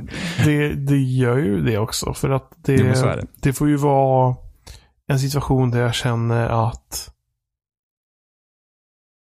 här behövs en markering. Att jag inte ska liksom ha spel från den här utvecklaren eller eh, utgivaren eller vilket nu steg i hela den här historien som man vill komma åt. Uh, och också om det är Ja, men det, det är ju alla de här sakerna. Vad, varför? Vad är det för specifik sak som har hänt? Som vi nu drar in då Rockstar. Har du köpt det? Köpt vadå? Red Dead 2. Nej, nej, nej. Kommer du köpa det? Ja, Ja. det kommer jag göra. Varför då? Jag vill spela det. Men de, de, de förstör ju för deras anställda. De, de gör ju att de sliter röven av sig och grejer. Jag vet. Jag vet. Mm. Det borde man liksom ta tag i. Men det är så här att ska man köpa eller ska man inte köpa? Alltså det är så här, och det var ju som du sa, vem straffar du egentligen? Alltså, Ja. för, för, för, liksom så här, här känner jag. Alltså när jag, det här är svårt. Eh, Jag, jag kan inte sätta mig in i en position där jag jobbar liksom så hårt för en arbetsgivare på det sättet. Liksom, inte för att, nu låter det som att när jag arbetar så arbetar jag inte hårt. Men liksom så här, Nej, men det, det, det, det, ett projekt av den här magnituden med ett sånt Precis. ansvar att man liksom sitter och gör, liksom för att det, det är, när man arbetar med kreativa saker så, så det blir liksom en helt annan grej. Det är inte som att du sitter och svarar i telefon i ett callcenter. Liksom. Det här är faktiskt någonting du skapar, är med och skapar. Och det är ofta det liksom man pratar om, när utvecklare pratar om crunch, så här, ja men vi är passionerade. Och liksom, även CD Projekt Red, när vi har nämnt dem liksom med Cyberpunk och allt det här. Det, det ska vara ett jävligt tuff crunch hos dem också under Witcher 3. Eh, Så att, liksom, what gives? Och de, de, de, deras liksom svar var också det att, ja, vi är, är man passionerad av spel, det är då man jobbar, annars har man liksom ingenting här att göra. Ja, för- Vilket liksom, Nej, för- förhoppningen är ju snarare att, att, att de anställer alternativt någon, någon form av samling pushar på utgivarna och utvecklarna på att det här får inte vara på det här sättet. Mm. Och det krävs ju att rätt personer säger ifrån också. För att det, liksom, det måste finnas några vissa, det måste finnas nyckelpersoner inom varje företag som är, som håller igång projektet som är så pass viktiga att om de börjar strejka liksom, då, då kommer, eh, liksom, då, då kommer projektet vara i, i fara om man säger så. Ja, för kollar man på när röstskådespelarna eh, strejkade. Så det fick egentligen inte någon effekt. Väl? Jo, Gör det? jo, jo. Ja, men, Ja, ja, men var, det inte snarare De- att, var det inte snarare då de nu som är fack, fackanslutna typ får mindre jobb och så vidare? Vissa företag anställer inte de som är bundna till facket men eh, jag tror att Du tror att överlag så... I i Red Dead Redemption 2-fallet så jag tror alla deras voice actors är knutna till SAG, AFTRA, tror jag det hette. Deras fack. Så att de, de har rätt villkor. Eh, men de har ju facket bakom sig då. Och det är det som utvecklare också borde ha. De borde också få ha ett fack. Men det jag tänkte säga där med, med liksom att hur, man känner som, som kreatör då i de här spelen. Jag kan inte riktigt sätta mig in i det men jag vet att Alltså jag har ju tävlat när jag varit yngre liksom. Eh, Alltså vi har ju tävlat ganska hårt jag och min syster med, med hästar. Mm. Och så. Och varit väldigt duktiga och fått väldigt mycket, liksom vunnit väldigt mycket. Så jag har en, en, en, en stor samling av pokaler. Alltså jag har flera, flera flyttkartonger med pokaler som är mina. Och när det liksom blev dags att sälja, sälja eh, vår gård, när pappa skulle sälja gården och sådär. Och liksom, jag har ju ingen plats för att ha mina pokaler. Jag, jag bor i en studentetta och har ett litet, litet förråd. Liksom, jag får inte plats med dem. Och han liksom, ah, men vad ska vi göra med pokalerna? Så ska vi slänga dem. Och då blir det så att vi kan inte slänga. Det där är ju all, det där är liksom frukten av allt hårt arbete. Det, är liksom, det där är liksom beviset på att det har gått bra. Vi har liksom gjort alltså alla timmar som jag, både jag och min syster liksom har lagt ner på det här. Det är liksom inte det värt någonting. Och speciellt inte då från ens föräldrar då som, som liksom har pushat på oss att göra det här. Det är, inte, det är liksom inte varit liksom självvalt helt och hållet. Utan det, vi är liksom, det är någonting vi har liksom behövt göra så att säga. Och då blir det så här att, men, men, och jag kan tänka mig att det kan vara lite samma sak. Då säger vi att vi vägrar köpa spelet. Hur känner de som har gjort spelet då? Alltså liksom att det, det, det, är en, det, är en knepig, det är en knepig fråga helt enkelt. För att hade jag gjort någonting som jag hade velat att folk ska spela, så tänk dig att ha lagt ner så himla många, många, många timmar och sen köper ingen det. Till exempel. Nu, kommer, nu finns det ju ingen risk att Red Dead Redemption 2 inte kommer sälja bra, så är det ju. Men, men i, säg en alternativ verklighet där det inte hade sålt alls för att nej, vi bestämmer oss för att inte köpa det för att vi vill att arbetet ska ha bättre liksom, villkor. Jag vet inte, hur hade man känt om man hade jobbat typ 100 timmar i veckan med det här spelet? Liksom så här, det säljer inte. Ingen spelar vårt spel. Alltså det hade ju varit tufft också. Så det ena ska inte utesluta det andra givetvis. Men det hade, alltså, alltså, allt man lagt ner på det hade liksom helt plötsligt kanske inte varit värt någonting. Jag tror att det hade också varit tufft att klara av. Så jag, jag har inget svar på den här frågan men det är liksom så här att det hade också varit hårt. Och med det sagt så tycker inte jag att folk ska arbeta 100 timmar i veckan. Utan det, något, någon förändring måste ju ske. Jag hoppas verkligen att de speljournalister som verkligen arbetar med grävande journalistik tar tag i frågan och, fråga, och liksom pushar på utgivarna. Och det är bra att alltså, frågan måste lyftas om och om igen tills det sker en förändring. Så att det är viktigt att prata om det, absolut. Jag vet inte heller om det svarar, svarar på frågan. Liksom. Men, men ja, jag, ja, jag kommer köpa Red Dead Redemption 2. Ja, det kommer förmodligen jag också. Men det är liksom men man ska också vara med, alltså det, det, man ska också vara medveten om, om konsekvenserna och liksom vad, vad som händer. Det, det, tycker jag absolut att man kan vara. Men det är samma sak, liksom mina 200 kronors skor jag köpt på skopunkten. Vad är det för slaveriarbete som har gjort de skorna? Ja. Det kan ju inte vara något med, sådär billiga skor ska man fan inte kunna köpa. Liksom. Det, känns det som att det är liksom där, är, det där ligger ju liksom bakom. H&M har haft problem med det också. Det har varit barnarbete i fabriken och sådana grejer. Det är, liksom, det är mycket som måste fixas i världen alltså. För, för att vi ska ha det bekvämt. För det är det det går ut på. Liksom det är, vi har det bekvämt på andras bekostnad. Så, ja, ja, det är... Men jag tror att om jag ska undvika köpa någons spel så beror det mycket på var, var, vart de förmodligen står politiskt. Alltså, är det en, vad ska man säga? Jag vill ju inte köpa spel från någon som hade supportat Gamergate om man säger så. Nej. Till exempel. Det är också en sån Någon som, inte, någon som inte står upp för människors lika rättigheter. Någon som tycker att homosexuella är någon form av bespottelse liksom på mänskligheten. Det, sånt vill jag absolut inte stödja för att jag tycker att vi ska gå mot ett håll där liksom vi, vi ska kunna liksom, eh, acceptans är väl egentligen det jag tycker att man ska Ja. Och, få människors lika värde. Det är absolut viktigt och är det någon utvecklare som inte står för det så då, då, då är det ett ganska hårt nej. Ja. För min del då.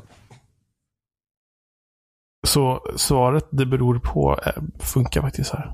Det gör ju det, men det, det är fan svårt. Och jag kan inte komma ihåg om det är något spel nu. För att det är liksom att och, och vi vet ju inte, alltså om man tänker så här äldre spel, typ GameCube PS2-tiden, vi vet ju liksom inte riktigt hur det har gått till. Nej. Utvecklingsteamet, det är ju ganska låst. Men alltså det, ja, typ, det är sånt här det är sånt här typ som Jason Schreier gör ett bra jobb ofta med att liksom försöka gräva lite. Jag skulle nästan hoppas att Noclip skulle göra någon dokumentär som faktiskt handlar om arbetsrätt. Men samtidigt så att om du inte har något fack liksom i ryggen och, och liksom att du, då ska någon gå ut och säga de här grejerna. Hur svårt kommer den personen ha att få jobb i framtiden? Liksom? Mm. Det, är, det är den grejen också. Det, det är jättesvårt. Men det är viktigt att lyfta frågan tror jag då. Så att, liksom att man det hamnar i centrum hela tiden. För då kanske då det kan ske en förändring till slut.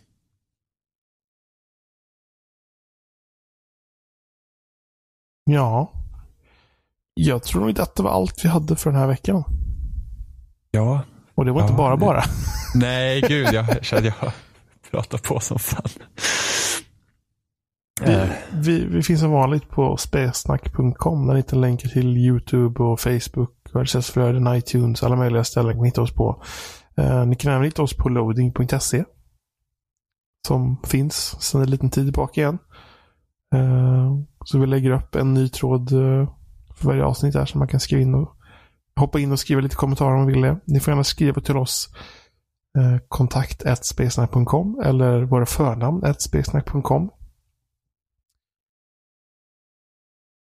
Oliver brukar pusha för att vi har Twitter. Ja, just det. Men jag kommer inte ihåg vad alla har för Ska vi Twitter-handle. se. Jag tror att du heter Johan Folsson. Ja. Oliver heter Oliver Thelin. Jag heter Seppala13. ja. Så där hade vi alla Twitter också. Eh, Ja. Spelsnackpodd heter vi på Twitter som Spelsnack. Eh, Spelsnackpodd heter vi även på Instagram också tror jag. Ja. Har du nämnt loading? Ja. Ja, vad bra. Jag märker att jag är lite trött. jag är väldigt trött. Jag, jag sa till och med att liksom loading har funnits nu sedan en liten tid tillbaka igen. Ja, gud ja. Då hade jag redan suttit ut. Vad bra. Ja, loading finns tillbaks Precis här. igen. Mm. Och, och vi ses, hörs nästa vecka. Det gör vi. Hej. Hej.